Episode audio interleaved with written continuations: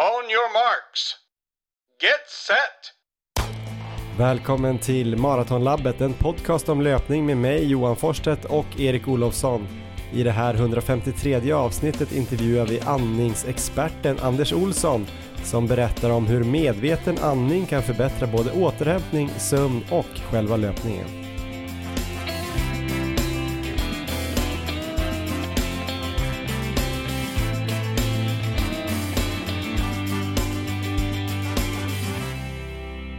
Ja men då är det alltså dags för avsnitt 153 av Maratonlabbet. I det här avsnittet kommer vi alltså att prata om andning och hur någonting då som ofta tas kanske helt för självklart kan påverka oss så mycket. Vår återhämtning, sömnen, kanske risken för att bli sjuk och till och med prestationer i löpningen. Vi kommer intervjua experten Anders Olsson om eh, medveten andning. Jag då, Johan, har sprungit premiärmilen och du, Erik Olofsson, har kommit igång igen efter en lite tuffare period, eller vad sägs om eh, 25 mil sprungna senaste veckan, varav eh, 18 de sista fyra dagarna. Du är ju liksom sjuk både när du har feber och när du är frisk så att säga. Ja, så är det Johan. Men eh, det var en skön vändning den här veckan. Det började med febersjukdom och slutade med massa härliga mil ute i solen. Så det var en spännande vecka. Mm. Det ska bli kul att höra hur det där gick till. Eh, vi har också med oss tre samarbetspartners i det här avsnittet. Eh, vi har Adidas då, där vi kommer prata lite mer om deras skor, men också då Try-On Sessions som de kommer hålla på Stadion här i vår. Vi har ett samarbete med Löplabbet, eh, vi kommer prata Distansskoguiden och den här rabattchecken på deras team Löplabbet-vecka som de har just nu. Och sen har vi ett nytt samarbete med Craft och där kommer vi prata lite om deras nya hybridsko som heter då CTM Ultra 3 som egentligen passar alla underlag. Men först Erik, innan vi går in på allt det här så ska vi plocka fram ett eh, resultat på maraton. Jag tycker att vi måste göra det. Vi är ju ingen podd som kommer eh, varje avsnitt ta fram en massa resultat. Men om vi blir imponerade eller om det nu då eh, slås svenskt rekord så måste vi ju prata om det. Samuel Tsegay har alltså slagit svenskt rekord på maraton i Paris, eh, 2.09.47. Det är väl en sänkning med knappa 20 sekunder då av Musses eh, rekord från 2020. Vad tänker du kring det rekordet Erik? Ja men det är ju imponerande lopp, eh, inte oväntat. Man har väl väntat på att eh, han ska slå till här. Så eh, ganska väntat, ganska roligt att det vart med eh, ändå hyfsat liten marginal. Så alla de här som ligger där runt 2.10 är ju säkert motiverade att eh, ta den där tiden. Så att det kommer nog, får väl hoppas att det blir liksom en våg nu av eh, många svenska resultat under 2.10. Hoppas att det kan trigga kanske David Nilsson då som sprang också helgen här i eh, Berlin, halvmaraton. Han gjorde väl en 02 40 tror jag och även Linus Rosdahl som har ambitionen att gå under 2.10 sprang i Berlin på 1.03 höga tror jag. Damlöpare där i Berlin var ju Carolina Wikström var ju bäst på 1.11.07. Jag tror hon kom nia i hela loppet. Riktigt bra. Johanna Bäcklund som var med här för några veckor sedan har ju haft en liten sjukdomsperiod men sprang i Prag på 1.18. Och sen en annan spännande löpare som också kan gå under 2.10 framöver det är ju Archie Castile. Han sprang 10 km i Drammen, 29.20 tror jag. Så det var många bra maratonlöpare i farten här i helgen. Ja, men det är härligt att säsongen är igång nu så det kommer komma många spännande lopp ändå att eh, rapportera ifrån så att vi får plocka, plocka ut guldkornen som kommer. Mm, tror du att det blir något fler svenskt rekord på maraton under 2023 då, damer eller herrar? Ja, men det tror jag absolut. Jag tror eh, herrrekordet kommer förbättras under året och sen får vi se om det är Segai eller någon annan som gör det. Damrekordet som Isabella Andersson har är ju väldigt, väldigt tufft att slå, så att det får jag väl ändå gissa står sig även det här året. Men skulle jag ha fel så skulle jag bli väldigt, väldigt glad. Mm. Ett annat resultat Erik, som vi kanske inte borde prata så vitt och brett om, det är mitt eh, resultat på premiärmilen. 35 35 blev det, ljusår från sub 34, men det kanske inte var riktigt just under premiärmilen som sub 34 skulle komma heller. Du var ju där och tittade lite. Vad är din analys? Ja, men jag tycker vi ska prata mycket om det här. Det var ju en spännande, spännande lopp och jag fick ju verkligen uppleva det här på plats. Jag var ju där och eh, hejade. Jag hade ju lite tankar på att eh, ställa upp och springa själv, men jag hade känning i baksida lår där under veckan.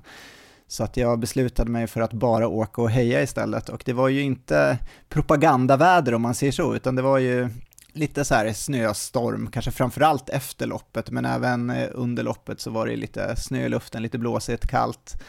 Eh, men jag hade, jag hade en fantastisk dag. Jag sprang runt längs banan och hejade på folk och eh, Ska vi börja med min insats Johan? Är du inte ja, gans, ganska imponerad över på hur många ställen jag var längs vägen och hejade på dig? Jo, det var väl i alla fall tre, kanske fyra ställen. Ja, jag skulle nog säga fem till och med, men eh, du kanske inte såg mig på alla.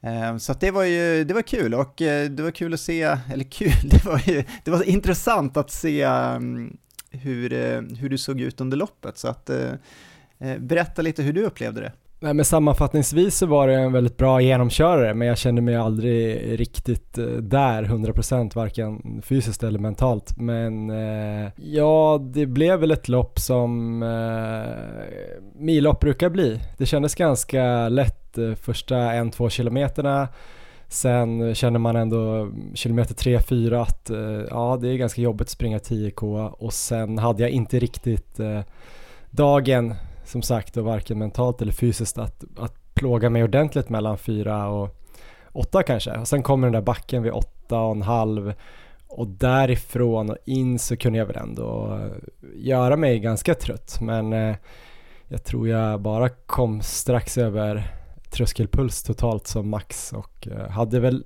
mest minuter i zon 4 faktiskt. Och jag tror inte det bara var för att jag var vek utan jag tror att jag liksom inte riktigt har formen för att kunna ligga mycket i zon 5. Men det är också någonting jag kommer träna på här framöver då in mot nästa gång jag ska springa milen. Var det en bra sammanfattning? Jag har ja, mycket saker som jag tror kan förbättras. Men det blir alltid som att man sitter och kommer på en massa bortförklaringar. Så att jag har grejer som jag kommer kunna förbättra framöver och jag vet dem själva. Men jag gjorde allt vad jag kunde den dagen. Jag sprang där eh, med en liten grupp med Malin Starfelt som kom tvåa på damsidan. Vi låg bakom Hanna Lindholm ett tag. Eh, hon hade väldigt mycket mindre kläder än vad jag hade, tänkte jag på.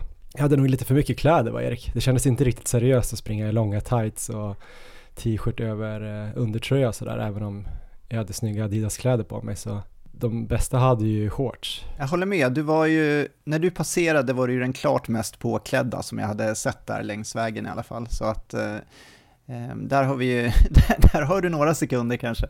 Men eh, framförallt så tror jag med det här loppet i kroppen och liksom få den här genomköraren och ändå gå upp och nosa på de här eh, kanske lite jobbigare zonerna som man ändå inte riktigt går upp i träning när vi ligger och kör mycket tröskel och den typen av träning. Just att eh, kliva upp något, ett eller två snäpp där på Borgskalan och komma in i den zonen. Det brukar krävas något lopp eller två.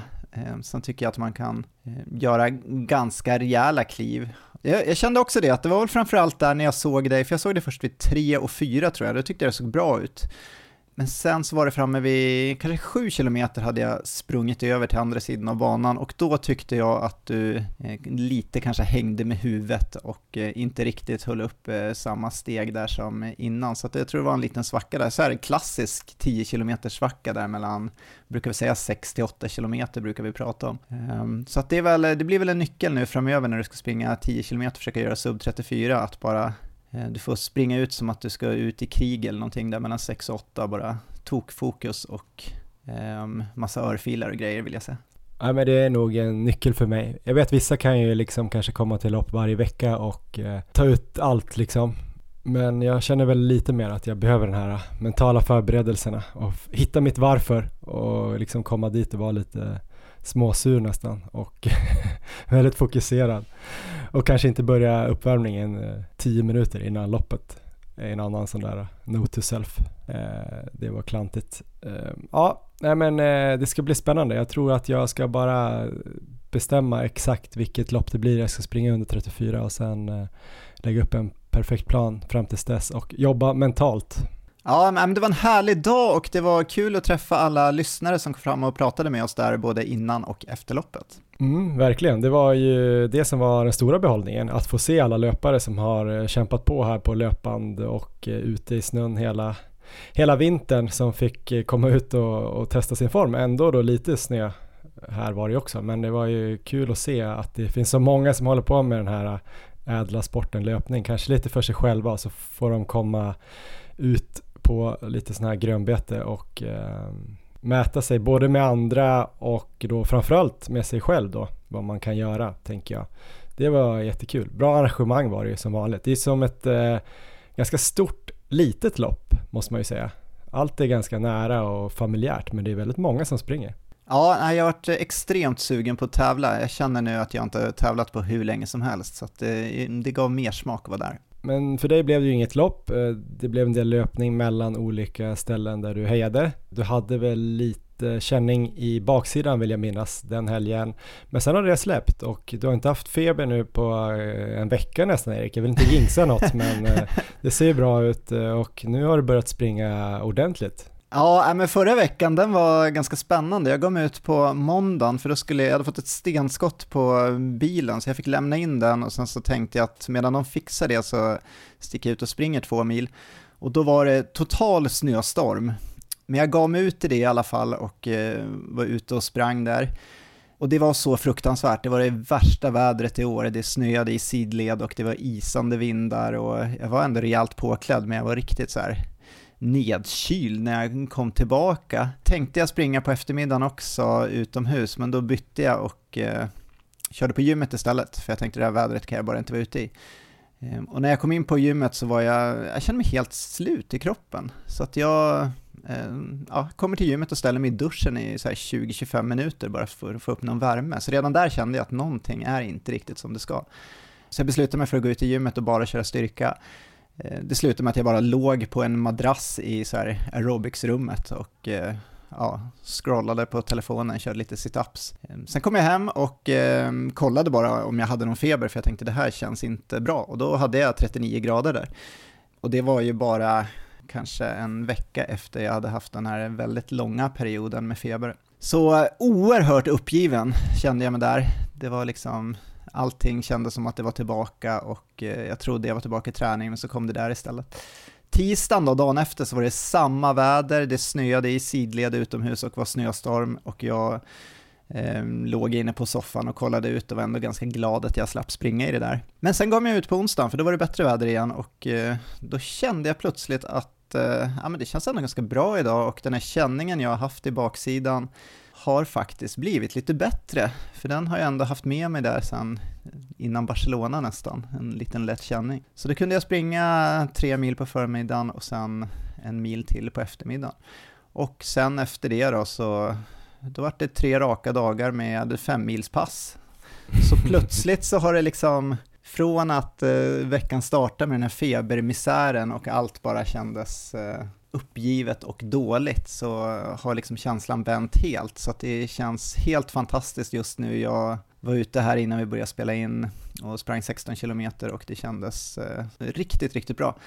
Så just nu så är jag på gång, så nu gäller det bara att eh, hålla i det här framöver och att eh, få in eh, två riktigt bra veckor nu framöver ser jag väl framför mig. Och sen så ska jag trappa ner lite och sen så närmar det sig lopp till slut, hoppas jag. Vad är tanken med de här äh, liksom femmilspassen då? Är det en strategi att ha flera sådana här i rad eller är det bara liksom, ja varför inte, solen skiner och jag tycker det är kul att springa? Ja, det är lite både och, för det är faktiskt, det har varit fantastiskt att vara ute på de där passen, det har varit eh, drömväder. Men framförallt så är det att jag vill få in oerhört många mil runt tänkt tävlingsfart på SM 24 timmars och jag fokuserar mycket på att springa så muskulärt skonsamt som jag bara kan. Ehm, så väldigt så här nedtonat eh, ehm, försöker jag springa. Det är väl en, en strategi att vara så förberedd som möjligt egentligen inför loppet och att kunna hålla muskulärt hela vägen där på SM. Det är ju som jag ser det kanske den stora utmaningen på ett sånt lopp. Så att eh, då tror jag hårt på de här eh, långa passen. Jag tycker inte jag behöver springa längre än fem mil, men däremot att få in eh, många sådana pass under veckan och att få den här höga totalvolymen tror jag hårt på. Och det känns som det har fungerat förut också, när jag har fått upp hög volym flera veckor i rad så brukar jag komma i väldigt bra form. Så att få in en sån period nu så kommer jag komma väldigt väl förberedd för SM, trots de här problemen innan med feber och med den här känningen som jag hade. Så eh, just nu idag när vi spelar in så är jag i alla fall väldigt positiv. Ja, härligt. Och ingen cykling och är det någon kvalitet på löpningen? Eh, nej, det är ingen cykel nu. Det jag har varit lite, vad ska man säga, efter EM där och eh, rabdomylys och allt vad det var så eh, är jag väldigt noggrann den här gången att träna specifikt in mot loppet så att det blir ingen, ingen cykel nu eh, sista egentligen 5-6 veckorna innan loppet och eh, styrketräningen kommer jag plocka bort sista två veckorna. Lite så ser jag det framför mig. Var har ett samarbete med Adidas här under våren och sommaren och eh, det är väldigt kul för dels gör de ju väldigt mycket bra skor men de gör ju också en massa roliga saker nu för eh, ja, löpningen här, jag vet inte om man ska säga löpningen i Sverige men det kan man väl kanske göra, men mycket i Stockholm i alla fall. Eh, nu kommer det hända roliga grejer här varje tisdag fram till Stockholm Marathon Erik. Eh, Adidas kommer hålla i något som kallas för eh, Tryon Sessions varje tisdag klockan 18 till 19 och från och med nu då 11 april till och med 2 maj kommer det vara på Stockholms stadion. Sen 9 maj till eh, 30 maj kommer det vara på en annan plats och det får vi återkomma med men eh, det kommer vara då totalt åtta veckor framöver då där utvalda så kallade profiler kommer hålla i träningen och eh, där Adidas kommer vara på plats med en massa provskor som deltagarna får testa under det här passet.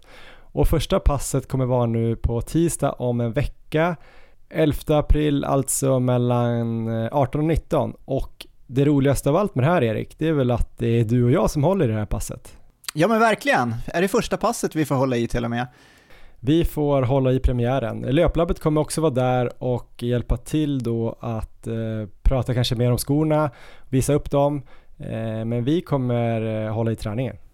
Ja, det blir ju otroligt roligt. Så alla som befinner sig i Stockholmstrakten, kom och spring med oss eh, klockan 18 där på, det blir nästa tisdag fram till släpper. Ja men precis, 11 april och det börjar 18.00 och vi håller på en timme ungefär det är väl bra tänker jag att komma lite tidigare om man vill eh, stå och snacka lite med oss eh, om podden och kanske börja klämma och känna på lite av skorna som Adidas har med sig. Jag tror att från den här Adizero linjen då som vi mest springer med så kommer det vara Adios Pro 3 som ju är deras eh, snabbaste maratonsko en av världens snabbaste maratonskor, kanske den snabbaste, och eh, distansskon då Boston 11. Men de kommer även ha med, tror jag var Ultra Boost eh, Light och Solar Boost. Ja men det kommer vara lite kul att välja på där. Um, så det kommer bli jättekul. Men verkligen, kom dit och spring med oss. Och det här är alltså då öppet för alla och det är gratis att delta och eh, ja, varje tisdag 18-19. Vi kommer också hålla ett pass den 23 maj. Men jag tycker att alla kan komma på båda. Ja, superkul Erik. Vilka skor skulle du vilja testa om du inte hade fått testa de här skorna? Ja, då skulle jag nog ge mig på um, Adios Pro 3 ändå tror jag och få uh, känna hur snabba de verkligen är. Det är en av mina absoluta favoritskor. Och som jag sa också då kommer även löplabbet finnas på plats på, på stadion här 11 april och hjälpa till att lyfta fram det bästa med Adidas eh, skor. Och det passar ju väldigt bra eftersom vi även har ett samarbete med löplabbet eh, så det kommer kännas eh, bekvämt att vi båda är där. Det är alltså Sveriges största och mest seriösa butikskedja för löpning. Eh, jag tycker det känns som att de som jobbar på löplabbet verkligen genuint vill att det ska bli bra för kunden. Eh, att de liksom verkligen brinner för att hitta de bästa skorna för just den personen som är inne och provar. De vill inte bara sälja skor. Det är klart de vill sälja skor, men det känns som att de vill sälja den bästa skon för den som är där och den personens enda mål. Alltså de vrider och vänder på skorna, de filmar och det springs på löpband och man kan ju till och med testa olika skors energiåtergivning, dämpning och stabilitet just för den personen som springer då på löpband med kameror i deras butiker. Det känns kul Erik. Ja det gör det Johan, jag har fått eh, fantastisk hjälp här i Uppsala på löplabbet när jag varit där så att eh, jag befinner mig där med jämna mellanrum och eh, kollar lite skor och eh, andra produkter. Mm. De är väldigt noggranna som sagt och de tar sig även tid att sätta ihop massa bra information till alla löpare. Och just nu ligger ju exempelvis då distansskoguiden för 2023 ute. dels på hemsidan då, löplabbet.se men det finns även eh, filmer på Instagram där Löplabbet då heter Löplabbet. De går igenom 13 par aktuella distansskor i den här guiden. Och eh, om ni går in och eh, läser den guiden eller tittar på filmen och hittar någon intressant sko så kan vi tipsa då att åka in på er lokala butik och eh, prova dem. Just nu är det också då den här veckan ut fram till söndag 9 april så är det teamdagar på Löplabbet så det är 300 kronor rabatt på alla skor eh, för då teammedlemmar och medlem eh, kan man då enkelt bli både på webben eller i butiken. Det här gäller då skor som inte redan är prissänkta. Vi har också ett samarbete med Craft Erik. Eh, det här tror jag verkligen kommer hjälpa mig i min lilla UltraTrail-satsning som jag kommer dra igång i maj. Det känns eh, oerhört kul med Craft. Det är ett svenskt företag som verkligen har profilerat sig på den här internationella trailscenen också. De har ju kontrakterat grymma löpare som eh, förutom Erik Olofsson då och Johan Forstedt, även Mimmi Kotka Ida Nilsson, Alexander Holmblad, men de har ju även de här amerikanska storstjärnorna som eh, Tim Tollefson och Tommy Riffs. Och jag tänker om alla de där kan ha craftskor och vinna tävlingar så lär de ju duga åt dig och mig också Erik, eller vad tror du? Ja, alltså min erfarenhet av craft under eh, ganska många år nu, det är att kvaliteten är så sanslöst bra. Ehm, jag har ju framförallt haft liksom kläder från Craft tidigare och de har ju hållit hur länge som helst, hur bra som helst. Så att det är jättespännande nu när de börjar komma med riktigt bra skor också. Mm. Ehm, så att, eh, jätteroligt. Mm. En sko som vi ska lyfta lite i det här avsnittet är ju CTM Ultra 3 och den ska vara väldigt eh, hållbar också. Den sulan ska vara gjort i ett material som både är studsig men också ja, tålig helt enkelt. Eh, skon är ju en lätt och smidig sko med 10 mm dropp och den är faktiskt 40 mm i hälen. Men jag tycker den känns lite lägre, vilket är ju väldigt positivt. Speciellt då med tanke på att det är ett par skor som jag tror kommer Passar bäst på grusvägar, stigar, men även så funkar på både asfalt och kanske mer obanad terräng. Den är ju en hybridsko skulle man kunna säga, där sulan är lite mönstrad för att få bättre grepp i naturen och jag tror det här kan vara ett riktigt bra val om man vill ha en sko som är bra på väldigt mycket.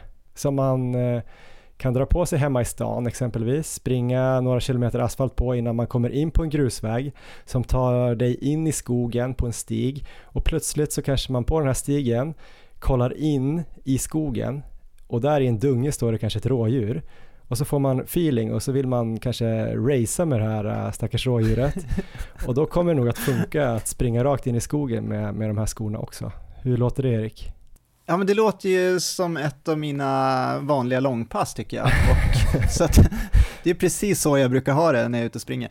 Så att äh, de här skorna tror jag kommer bli perfekta för mig, det tror jag verkligen. Ehm, för att jag, när jag springer mina långa pass så är det en del asfalt, det blir en del gruspartier och jag är också ute i skogen en del.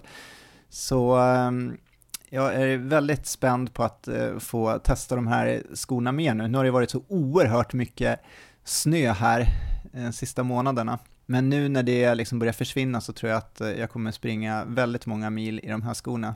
Jag är väldigt spänd på att få testa det. Ja men nu Erik har vi kommit fram till den här veckans intervju den kommer ju handla om eh, medveten andning och eh, jag kanske kan förstå om några lyssnare tycker det låter lite flummigt så här på förhand.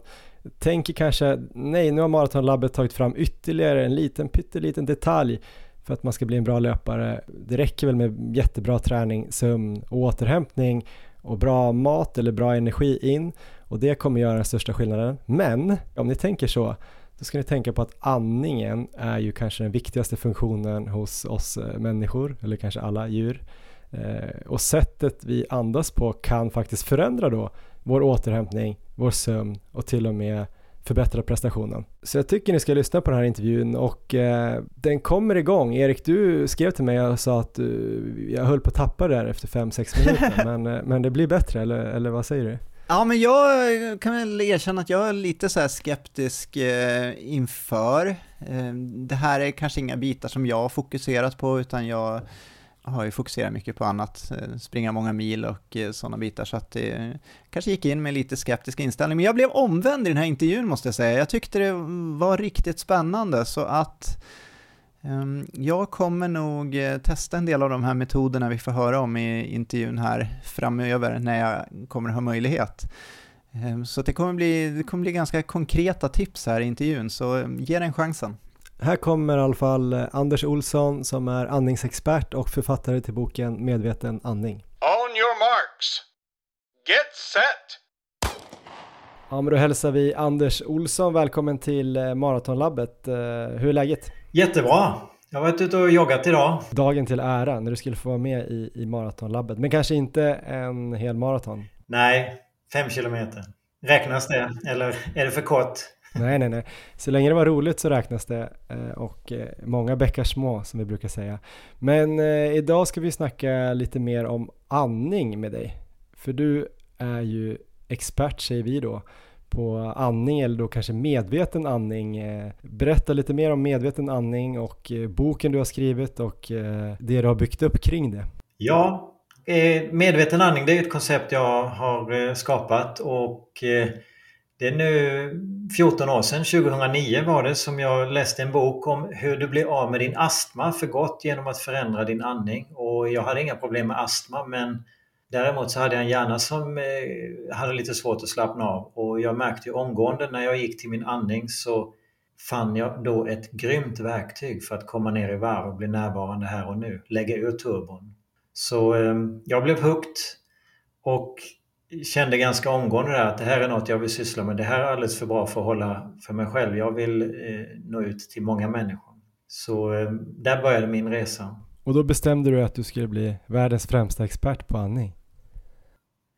Ja, så var det faktiskt. I sann prestationsanda där jag kom från tidigare då. Och nu har du släppt det eller, eller har det blivit det? Nej, alltså det, det, har inte jag en aning om. Jag märker bara att jag är fortfarande lika intresserad av ämnet och jag lär mig nya saker nästan varje dag. Och, eh, eh, att det är väldigt spännande. Så jag fortsätter bara på den eh, inslagna vägen att eh, vara nyfiken och, och, lära mig mer.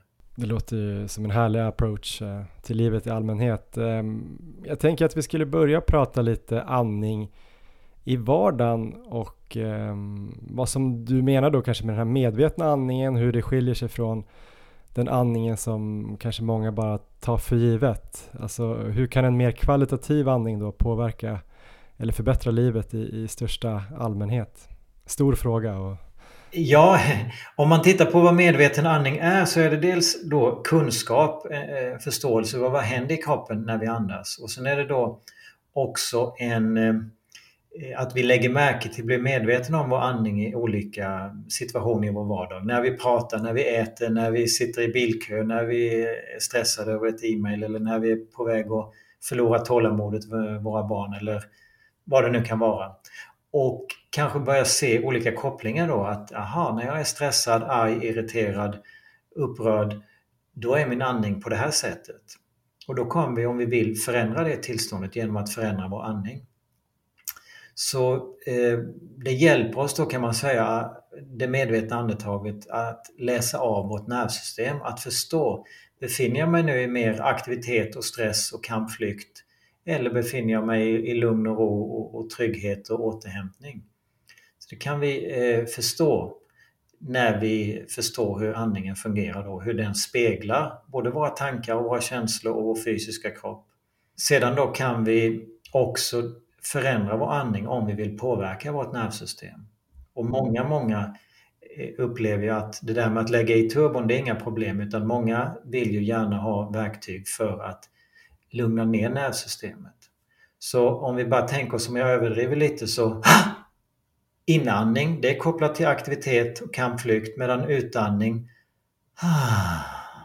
Nu är faran över. Nu kan vi andas ut. Och så då är utandning kopplad till avslappning. Så med varje andetag, inandning och utandning så påverkar vi vårt nervsystem. Så det är det som är grunden då i, i medveten andning. Och en, eh, med tanke på att vi tar uh, ungefär tusen andetag i timmen så kommer det här över tiden att ha ganska stor påverkan om jag andas på ett sätt som gör att jag cementerar min mm. kampflykt-tillstånd. Eller om jag har förmågan att andas lugnare och långsammare även när jag befinner mig lite under stress. Då kan jag åstadkomma mer med mindre ansträngning, eller i alla fall lika mycket. Men hur är det tänkt då att den här andningen ska fungera rent fysiologiskt? Ja, vi, vi, lever i ett samhälle där vi matas med väldigt mycket stimuli. Det är ju på ett sätt inte särskilt naturligt. Vi har ju skapat ett litet onaturligt samhälle där vi har tagit oss långt från naturen där vi ändå har vårt ursprung.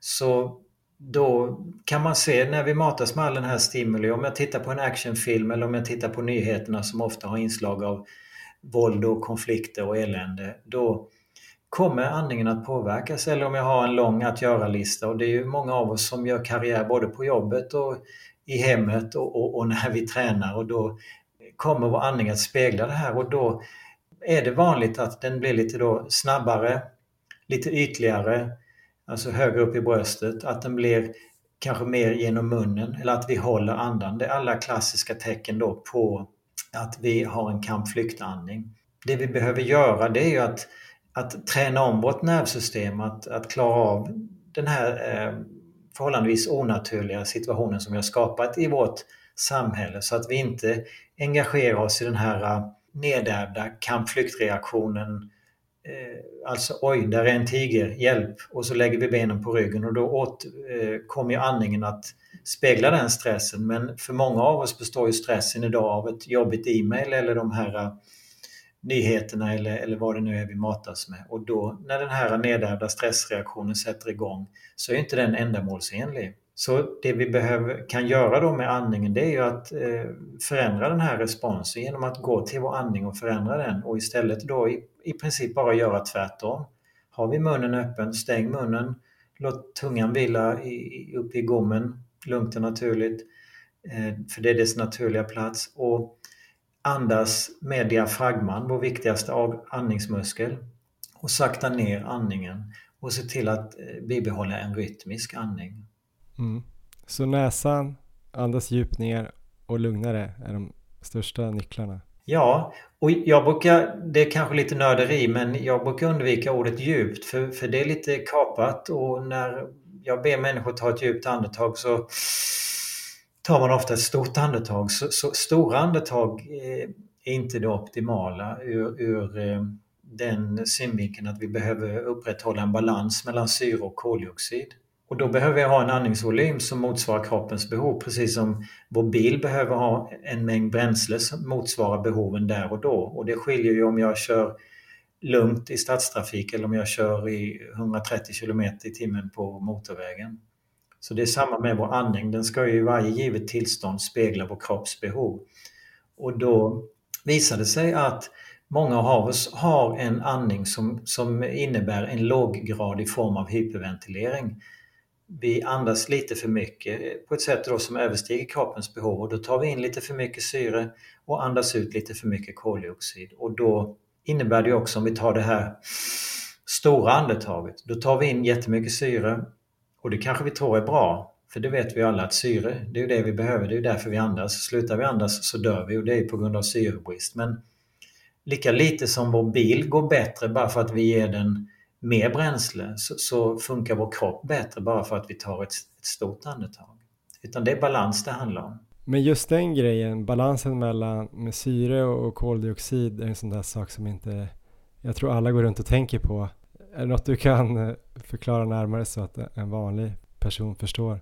Sy syre är ju viktigt, det är inget tvivel om det. Det är ju just det som krävs för att vi ska kunna tillverka energi effektivt det vi inte är medvetna om kanske, för många, eh, om vi ens har hört talas om koldioxid, så, så är det ju en, en slaggprodukt, bara en restprodukt som ska ut ur kroppen så fort som möjligt. Men faktum är att det är koldioxidnivåerna i kroppen som styr vår andning. Det är inte brist på syre som får oss att ta nästa andetag. Så Andning är kroppens viktigaste funktion och den styrs av koldioxidnivåerna. Så redan där är det omöjligt att det skulle bara vara något så simpelt som en enkel slaggprodukt utan den är väldigt viktig då, koldioxiden. Och vidare så har den då en vidgande och avslappnande effekt på glatt muskulatur som omger håligheterna i kroppen och det är ju allt från luftvägar till blodkärl till tarmar, urinblåsa och så vidare.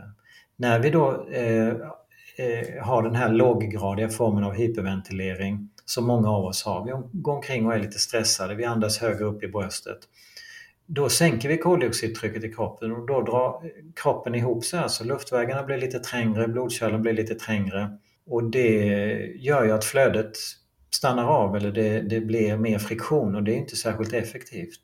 Så det, det, är där, precis som jag kan tänka mig när man har ett löparfokus så vill man ju öka effektiviteten. Man kollar på minsta lilla detaljer kanske vad gäller både kost och sömn och återhämtning och löpsteg och skor och allt möjligt för att hitta den optimala effektiviteten. Men det gäller ju även vår andning, att vi, vi vill göra det så effektivt som möjligt. För eftersom det är kroppens viktigaste funktion, då innebär det ju om andning är lite out of sync och den har högsta prioritet, då innebär det ju automatiskt att det blir den tar mer energi än, än vad som är nödvändigt och då blir det mindre energi över till muskeln som ska jobba eller hjärnan som ska tänka eller immunförsvaret som ska bekämpa en bakterie. Vi kommer komma in mer på andningen precis under löpningen men jag tänker ju som sagt att eh, det är väldigt intressant och viktigt att man har en bra andning då kanske mm. både under vardagen och eh, under sömnen då för att få bra återhämtning. Men jag tänkte just det här med med, med lite sämre andning då eller out of sync andning mm. det kan leda till väldigt många saker. Jag läste där på medvetenandning.se liksom att man kan bli sjuk oftare, stressad och trött, dålig återhämtning. Det är ganska mycket dåliga saker som kan hända för hälsan. Och tvärtom då att man kan få mycket hälsofördelar om man andas bra. Ja men det är ju så och, och de, de Eh, det som vi stöter på gång på gång det är ju det här med stressen. Att förmå, oförmåga att gå ner i varv om man då har den här snabbare ytligare andningen. Också att man kanske upplever mer smärta för när vi har en stressad andning då spänner vi oss mer och när vi spänner oss då förstärker vi smärta. Eh, man kanske upplever problem med hjärta och cirkulation eftersom det jag förklarar hur koldioxiden gör att blodkärlen drar ihop sig. Och det är alltså, om, om någon känner till kväveoxid, NO, nitric oxide på engelska, så är det det som koldioxiden gör. Den, den lägger grunden för att kväveoxid ska bildas och det är det då som får eh, blodkärlen att öppna upp sig och, och slappna av. Det är ganska populärt eh, som löpare att äta nitrat eller dricka rödbetsjuice eller spenat ja. och sånt där. Och det är väl också något med nitratet som blir nitrit som påverkar kväveoxid som gör att... Ja, exakt. Ja, det är den eh, förklaringsmodellen där för det. Ja.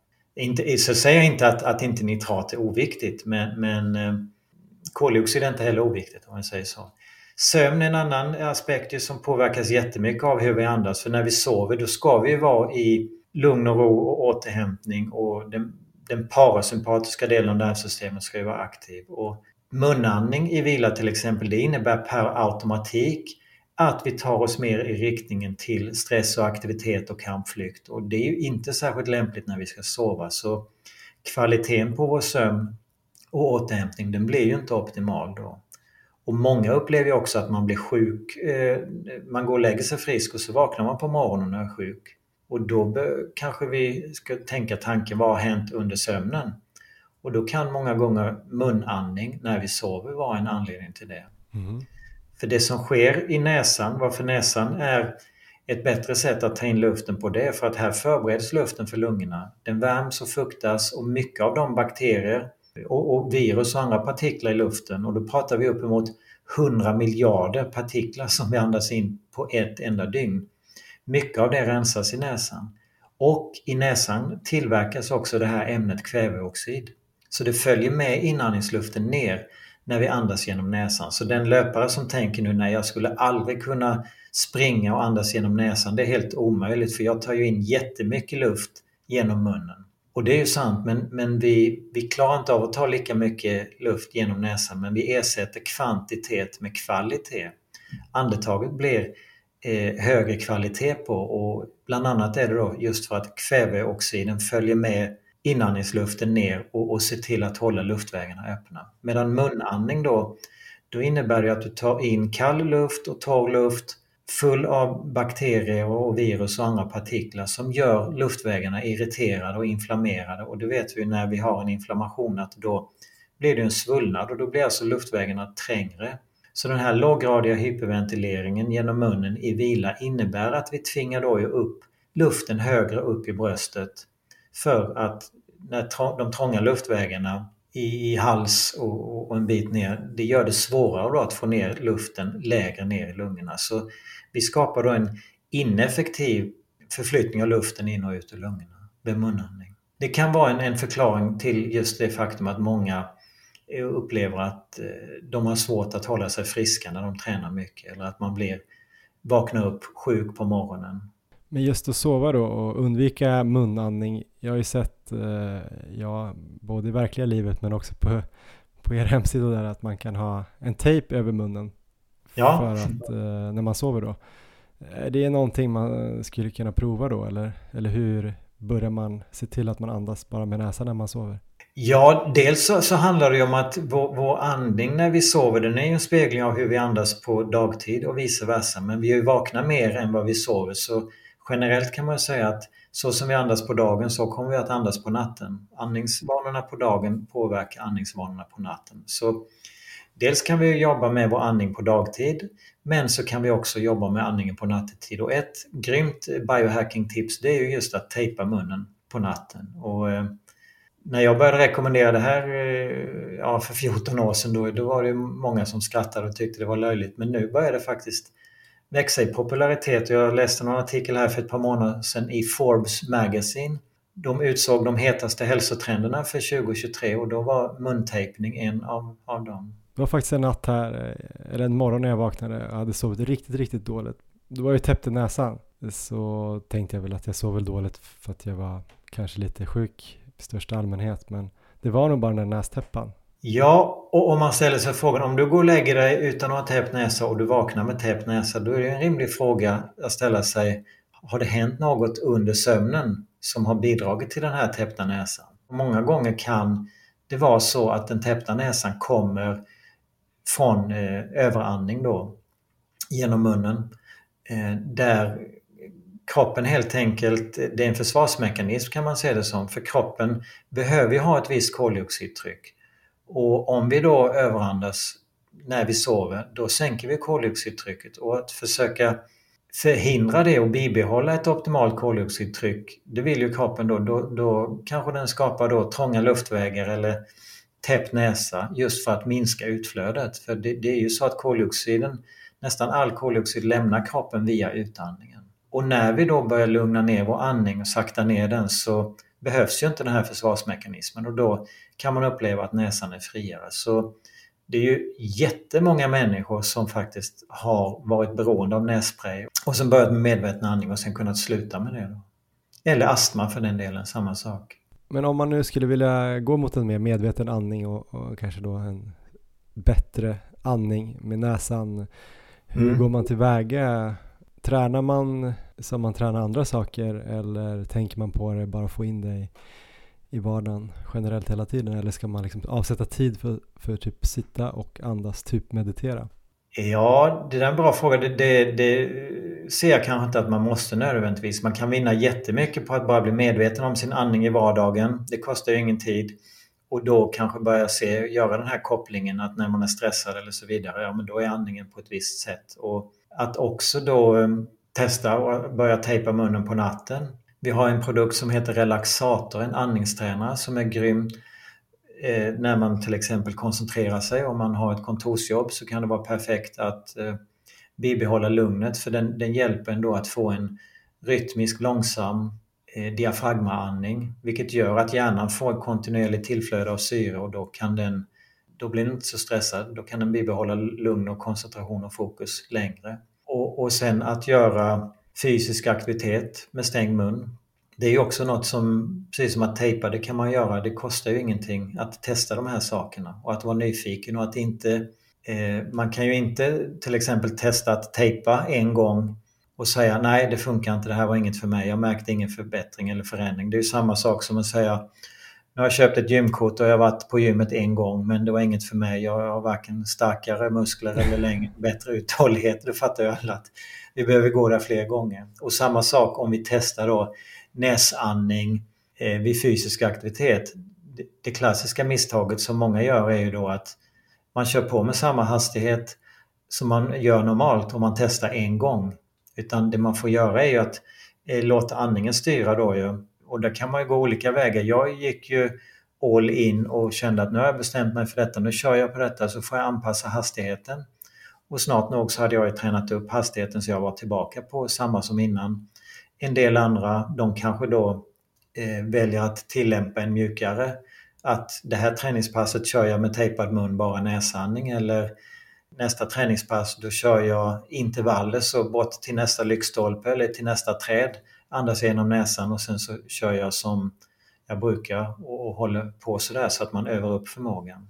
Men om man tänker just under träning då och löpning, hur kan den här andningen påverka träning eller tävlingsresultat? Eller kan den det? Ja, det kan jag absolut. Jag, jag kommer att tänka på nu eftersom du nämnde långlopp och, och ultramaraton. Och en, det är några år sedan jag fick en, en kundberättelse från en kille, Marcus Avén hette han som, jag vet inte om han håller på fortfarande, men då i alla fall hade han kommit femma eller något på SM. Och han var över 50 då, så han var ju imponerad över sin egen prestation. Och han sa bland annat, jag har samma puls efter 11 timmars löpning som i början av loppet. När han sprang ett lopp på 12,5 mil. Normalt ligger pulsen i alla fall 10 slag högre. Och eh, han attribuerade det till näsandning då. Det är någonting som ständigt återkommer då, att man upplever lägre puls, att hjärtat eh, inte behöver jobba lika hårt när man kör näsandning. Men vad är liksom förklaringsmodellen till det då? Andas man fortfarande bara med näsan när man springer i alla olika intensiteter? Eller är det mer vid längre sträckor? Eller eh, när man kommer upp i intensitet kanske på 5 km eller 10 km lopp? Eh, kombinerar man då näsa, mun eller hur går det till? Ja, det där är ju individuellt. Det beror på var man startar ifrån. Men generellt gäller ju som i alla andra, vill jag göra någon förbättring så får jag börja med att förstå var jag själv befinner mig och sen ta det i steg och etapper. Och det gäller ju om jag ska bli en snabbare löpare eller kunna löpa längre eller eh, även om jag ska kunna förändra min andning och andas mer genom näsan. Så det är ju en ren Eh, förmåga som vi kan träna upp. Och, och, många kanske då säger att nej men det går inte, jag har så trång näsa, jag har sned nässkiljevägg eller den är alltid täppt så det, det, är omöjligt. Men det är det faktiskt inte. En, en kille han gick min kurs och då hade han haft sådana problem med sin eh, trånga näsa så han hade då eh, opererat näsan men det gav ingen effekt. Så ett par år senare gick han min kurs och han blev så inspirerad och han tog till sig kunskapen och han märkte ju hur det gav positiv effekt. Så han kunde springa ett maraton sen då och bara andas genom näsan från att ha gått till att ha så trång näsa så han var tvungen att operera sig. Vad är anledningen till att eh, pulsen då skulle sänkas vid samma intensitet? Jo, men det, det är så att eh, andningsrytmen den sätter ju takten för alla andra rytmer i kroppen. Om det är hjärtat eller hjärnan eller matsmältningen eller sömnrytmerna.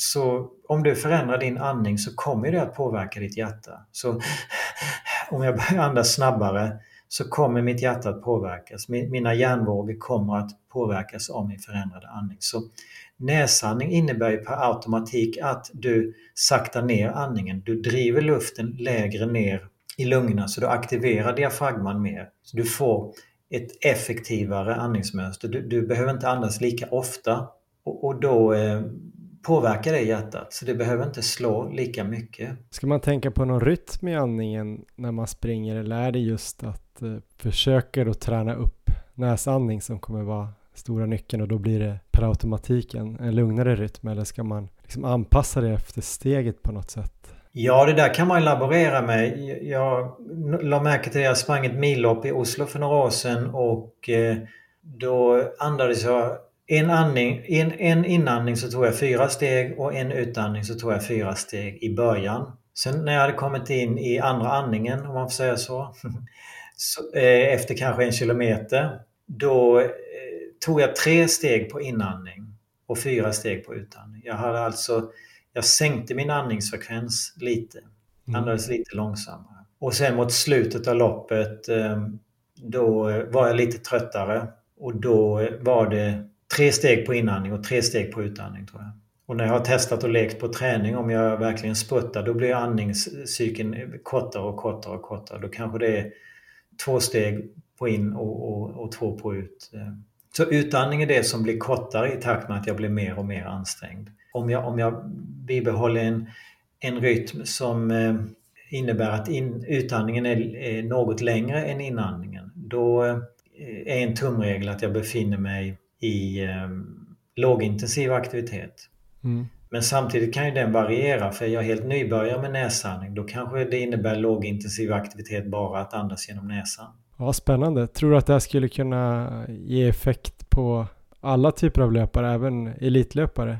Om man skulle jobba med det här om man inte har tänkt på det tidigare. Ja, det tror jag absolut. Och, och framförallt mer än någonting annat så är det ju återhämtningen. Alltså de flesta kan ju ut och, och köta på och köra skiten ur sig och ha inga problem med att eh, snöra på skorna till nästa träningspass. Men återhämtningen, har vi inte en effektiv återhämtning då blir det över tiden svårt att eh, orka träna, att ha energin. Det blir mer pannben och viljestyrka för att eh, komma ut och, och, träna. Men om jag har en riktigt effektiv återhämtning då vaknar jag ju pigg och utvilad. Då har mina Eh, system, eh, energidepåer kunnat fyllas på. Men har jag en oförmåga då att lägga ur turbon att det tar lång tid efter ett, ett hårt träningspass, om jag fortfarande är uppe i varv och går på adrenalin fyra timmar senare, då kommer det över tiden påverka min, eh, min förmåga att träna.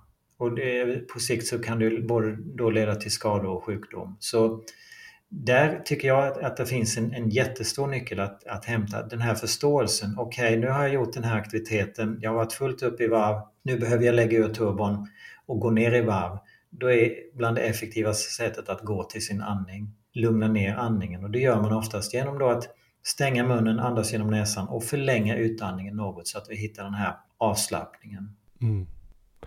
Jättebra Anders, om man vill läsa mer om det här ehm, är det då medvetenandning.se man kan starta då?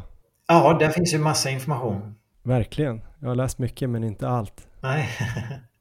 Ja, men stort tack Anders för att du vill vara med i Maratonlabbet så uh, får vi se om vi börjar våga tejpa munnen här när vi sover. Men jag kanske ska prova det. Ja, och, och skulle man känna att hjälp, det där klarar jag inte, jag kommer inte överleva. Då, då, då är det en jättestor stress för kroppen. Då ska man absolut inte göra det. Eller, utan då är ju kanske det bättre att tejpa 10-15 minuter under några kvällar så att man vänjer sig vid känslan. Just det. Och den här andnöden man kan uppleva när man springer och kör näsandning.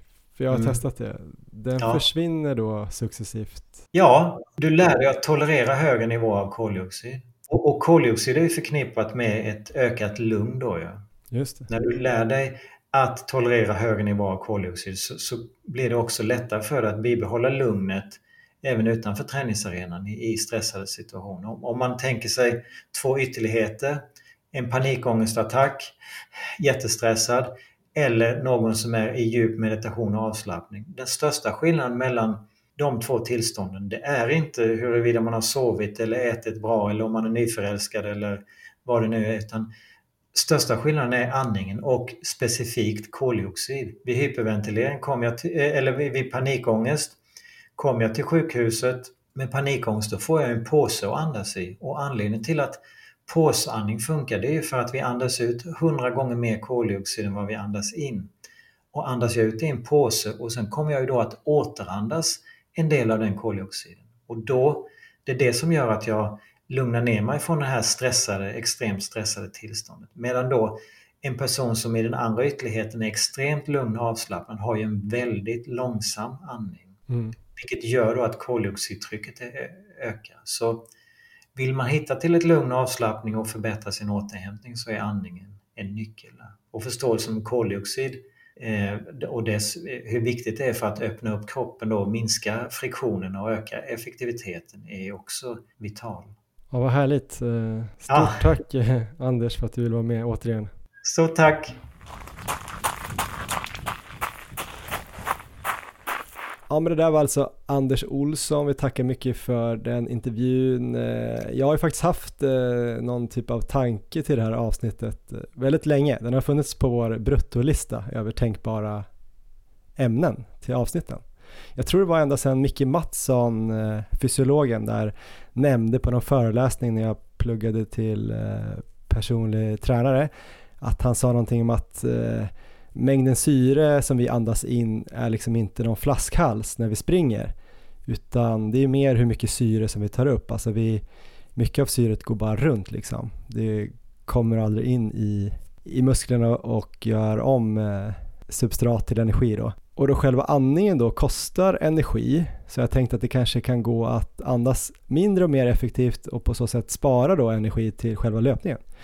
Och nu tolkar jag ändå den här intervjun som att det faktiskt går.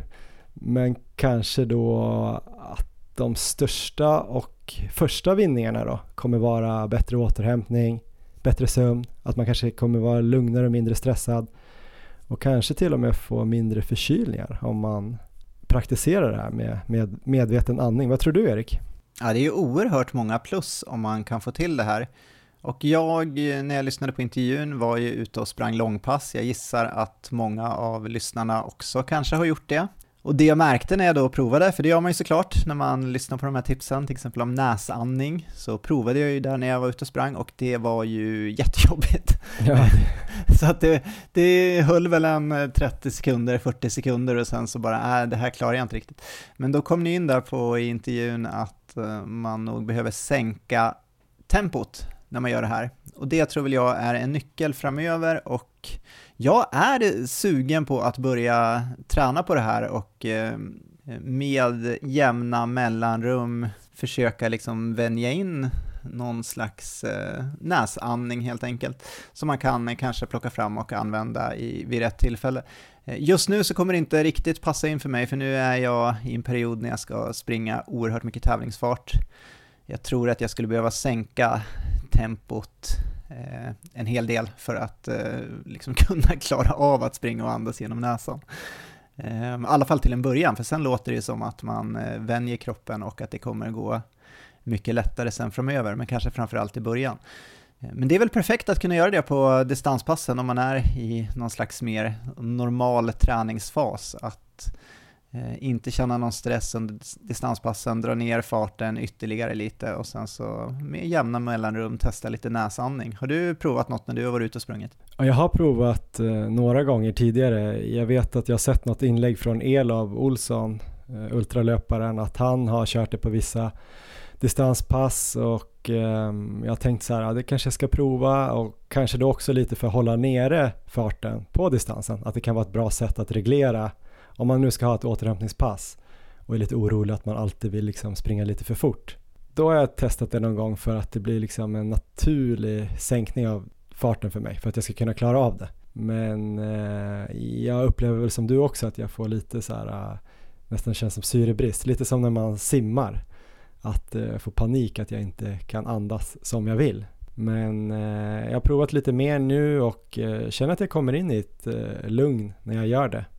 Och jag har även tidigare testat, jag kom på mig själv nu så här efterhand att ibland om jag är väldigt så här andfådd och springer ett lite hårdare pass och känner typ så här att eh, ja, nu börjar det bli jobbigt och man får de här tankarna kanske att, eh, att det känns jobbigt, mjölksyran börjar komma, då kan jag ibland bara testa att bryta den här lite stressade andningen som går kanske ganska ytligt och snabbt och bara ta ett eh, djupt andetag in med näsan jag har aldrig lyckats liksom andas ut med näsan då också, för det, då har det andats ut genom munnen. Men då tycker jag verkligen att man kan nästan nollställa känslan av att det är väldigt jobbigt, om du förstår vad jag menar. Att det blir liksom ja. bara att man tar en sån där bara och så bara skärp dig nu Johan. Så jobbigt är det inte. Just, just när man ligger i den här typ tröskelfarten där. När det egentligen inte är så jävla jobbigt, men man börjar kanske känna att det blir jobbigare och jobbigare. Så det har jag provat lite grann och jag blev väldigt eh, sugen på att testa det här mer för att eh, det låter nästan för bra för att vara sant på ett sätt när man lyssnar på Anders. Så eh, jag började googla lite, hittade massa artiklar om det här på Runners World, alltså internationella sajten, även Washington Post, eh, eh lite olika studier som hade kollat på det här och eh, triathlete.com. Alltså det är många ställen som känns seriösa som har publicerat eh, välskrivna artiklar om det här. Att det kanske till och med kan vara så att eh, näsandning även är mer effektivt och bättre även på kortare distanser, alltså all löpning. att om man skulle klara av att näsandas så skulle man kunna springa mer avslappnat. Det här med koldioxiden, eh, alltså balansen mellan koldioxid och syre och det här man var inne på kväveoxid, att den grejen faktiskt kommer kunna spela roll och att man kommer kunna tillgodogöra sig mer syre om man näsandas. Så det låter ju superintressant. Men sen känner jag också att det kanske är du vet något som man då får tänka att jag börjar typ lite grann nu och så kanske om ett halvår eller ett år så gör jag det här och springer utan kramp på 2.28 på morgonen. ja, men jag kan tänka mig att det är en invänjningsperiod som ändå kommer bli ganska lång, men definitivt värt att testa. Och jag, jag tänker själv i, viss, i slutet av vissa lopp som jag har sprungit, om jag tar till exempel eh, när jag skulle SM-kvala på maraton och var så extremt ansträngd där i sista milen framförallt när jag sprang och vrålade. Och jag är ju tokspänd. Alltså att i det läget ha någon form av metod kanske för att eh, slappna av lite, att i alla fall under en period där försöka eh, Eh, kontrollera allting med andningen. Det kanske kan vara en väg att gå, eller ja, SM i 24 timmars förra året där på avslutningen också. Jag har ju sett bilder att jag är ju ja, jag springer och spänner mig oerhört mycket där när jag försöker avsluta så fort som möjligt. Så att I de lägena kanske det kan vara en metod. Jag vet att eh, Jonny Hellneby här, när han springer sex dagars lopp, eh, använder ju näsandning under långa perioder på det loppet. Då är det ju självklart en betydligt lägre intensitet när man springer så långt, men eh, på den typen av lopp eh, är det ju väldigt effektivt såklart. Men det kan nog fungera även på kortare. Det ska bli spännande att se om man kan föra in det här lite grann. Man kanske kan börja lite på uppvärmning, nedvarvning och sånt där och sen kanske testa en del av någon intervall eller någon tröskel och sådär. Kanske finns något att, att vinna på det här och framförallt då kanske också tänka lite mer på andningen i vardagen och eh, sömn, under sömnen framförallt. Jag testade faktiskt att tejpa munnen med eltejp Har du gjort det? Ja, Aha. jag körde typ ett kryss med två sådana här eltejpsbitar som Piff och Puff på julafton typ. Det är möjligt, eh, men det var faktiskt inte så stora problem för mig ändå. Det kändes ganska lugnt. Jag tror att jag oftast näsandas när jag sover, om jag inte har blivit täppt i näsan och sådär. Ja, det är väl mer lite grann då att man ska bli väckt av något av barnen och komma upp och skrämma ihjäl dem typ. Att man inte kan prata eller att man ser galen ut om man har tejpen kvar och sådär. eller om man blir törstig på natten, att det är svårt att dricka så. Men ja, kanske kan vara något att föra in och sen då var han inne på att om man tränar på dagen så kommer man överföra det kanske då ja, till sömnen och kanske sen eh, nästa steg då till träningen och sådär så att eh, mindre stress och bättre återhämtning låter ju toppen. Ja, jag tar till mig det här tipset att man kunde prova att tejpa lite under kanske kvällstid under kortare perioder. Jag tror jag får börja på det sättet. Eh, men jag tycker du ska lägga upp en bild på Instagram där när du har tejpad mun till avsnittet. Ja. Men en grej som jag faktiskt inte har tänkt på i hela mitt liv måste jag ändå erkänna. Jag vet inte om jag har hört det. Dåliga biologilärare på Nyheden kanske på högstadiet. Men just det här med, med munnen och näsan. Jag har inte tänkt på så mycket på att munnen inte kanske då ska användas för att andas med egentligen. Om man läser om det här så är det ju typ att näsan är ju gjord då för att andas med och munnen är mer för att starta nedbrytningen av mat och äta med. Det har jag typ aldrig riktigt tänkt på. Men om det är så så låter det ganska rimligt att man ska försöka näsandas vad man än gör.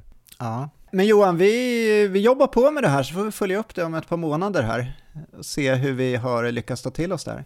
Mm, det är så himla många grejer jag har på min sån här lista över saker jag ska optimera för att bli otrolig person, människa och löpare. Så att, eh, jag lägger till det på listan så får vi se hur bra det går.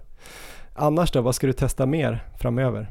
Jag eh, kanske inte ska testa så mycket nytt egentligen, utan det är det mm, beprövade upplägget här. Det blir väldigt många femmilspass ute i förhoppningsvis solsken i någon slags tänkt tävlingsfart inför SM. Så att jag, Eh, jag vet att det alltid är svårt att säga, men jag hoppas här de kommande två veckorna kanske få till två stycken eh, 30-milsveckor. Eh, sen så vet jag att det är, det, är så mycket som ska stämma för att man ska få till det där och ofta så kanske man ändå inte kommer upp i den volymen, men det är lite så jag ser det framför mig. Få in ett riktigt bra volymblock och sen så trappa ner lite näst sista veckan och sista veckan väldigt, väldigt lugnt inför loppet det vore fantastiskt om vi här pratar om två veckor och eh, jag har lyckats med åtminstone någonting i närheten av det. Då, då tror jag det kan bli ett väldigt bra lopp på SM.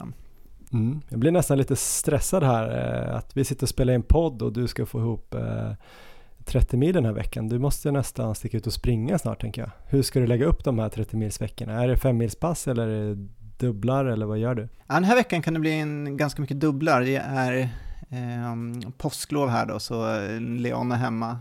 Eh, nu har jag bra hjälp med barnvakt också, men vi ska hinna med aktiviteter under dagen, så det blir mycket tidiga pass och mycket sena pass tror jag den här veckan. Så en hel del dubbelpass, sen när skolan drar igång igen så har jag mycket tid dagtid och då blir det mycket av de här femmilspassen istället. Så det är bara trycka in löpning eh, när det är möjligt helt enkelt, eh, är väl strategin. Tidiga morgnar kommer det bli och kanske en del sena pass nu också. Men eh, om man ser din träning nu Johan här, vi har alltså fyra veckor knappt till Bålsta stadslopp 10 km. Är det det som är huvudmålet för sub 34? Det har ju varit det, men jag ska vara lite hemlig och säga att vi får väl se vad det blir. Men eh, mycket lutar ju åt att det blir Bålsta 29 april, vad var det, 10.00, 11.00 som det ska ske, det här sub 34. Om det blir så, så har jag ett upplägg på gång. Jag kommer faktiskt testa lite grejer, fast det inte så eh, konstiga grejer, utan det är lite grejer från Jonas Glans eh, träningsprogram som han, eh, som han har gjort i ordning tillsammans med magasinet Spring man kan ju swisha Jonas Glans och så kan man få det här programmet som han har släppt och det visar ju då hans träning från september i fjol fram till och med det svenska rekordet i Valencia på 10 km när han sprang då 27.57 var det va, i januari. Det finns ju också med då träningen fram till eh, ett Parislopp han sprang i december där han sprang på 27.58. Eh, så väldigt jämna resultat. Men, Men nu ska du ge ut hemligheterna gratis här i podden. Nej men det kan jag ju inte göra. Men jag kan ju bara säga att jag kommer testa saker därifrån. Ja. Men det är, i ärlighetens namn så är det inga sjukt revolutionerande grejer som eh, Jonas Glans hållit på med förutom att han har kört väldigt mycket assaultbike då. Eh, men han har ju en bra liksom, eh, som många som blir bra har ju ett konsekvent tänk och tränar liksom, inga kanske så här sjuka konstiga pass men de, de har en idé, de följer den idén de trappar upp träningen till en nivå som de vill komma till och sen så har de en bra liksom, grund under flera veckor och sen kör de några specifika pass. Och det är väl de här specifika passen som jag ska prova lite grann. Och det är väl inga heller konstigheter mer än att det är lite längre intervaller eh, med lång vila i tävlingsfart typ. Så det är väl det jag ska få in. Eh, sen sprang ju han mycket på sådana här kurvat löpan. Det är också, så vissa saker gjorde han ju väldigt eh, annorlunda än många andra, just assault assaultbike och kurvat löpan. Men assaultbiken var ju mest för att han inte har kunnat springa mer så mycket som han ville och kurvade löpandet eh, testade han väl bara och tyckte att han gillade det. Det tror jag lite som någon motsvarighet typ till eh, Backe egentligen. Han kör ju typ, eh, han körde lite så tycker jag mig se. Men det, det, är väl det, att jag ska ligga runt 10 mil här framöver tänker jag och eh, få in då, förutom lite trösklar ska jag lägga in, eh, jag får se om det blir ett eh, specifikt pass i veckan här då, så tre pass då. Där har jag någon idé vad jag ska göra ungefär 10-11 dagar innan Bålsta då. Och så kommer de här två tidigare specifika passen leda fram till det progressivt. Och jag testade lite 3.25, 3.20 fart här i fredags. Mm, det kändes positivt men det var ju bara tre minuter så att eh, så lite längre drag i, i tävlingsfart. Typ något sånt och så kanske bara någon liten, en mil eller något mindre än vad jag legat på i snitt här tidigare. För att kanske vara lite fräschare till de här passen och kanske korta ner långpasset lite nu i några veckor. Bara fokusera på 10 kilometer. Vad tror du om det? Jag tycker det låter väldigt bra. Det blir en väldigt spännande helg där. Du startar alltså klockan 10 och jag startar klockan 11 på SM i 24 timmar där. Så du kan tänka det där när du är där på kilometer 6 och det är jävligt att ja, nu är det, nu är det 4 kilometer kvar men om eh, en halvtimme ska Erik springa 24 timmar. Så då, är det, då är det inte så länge ändå.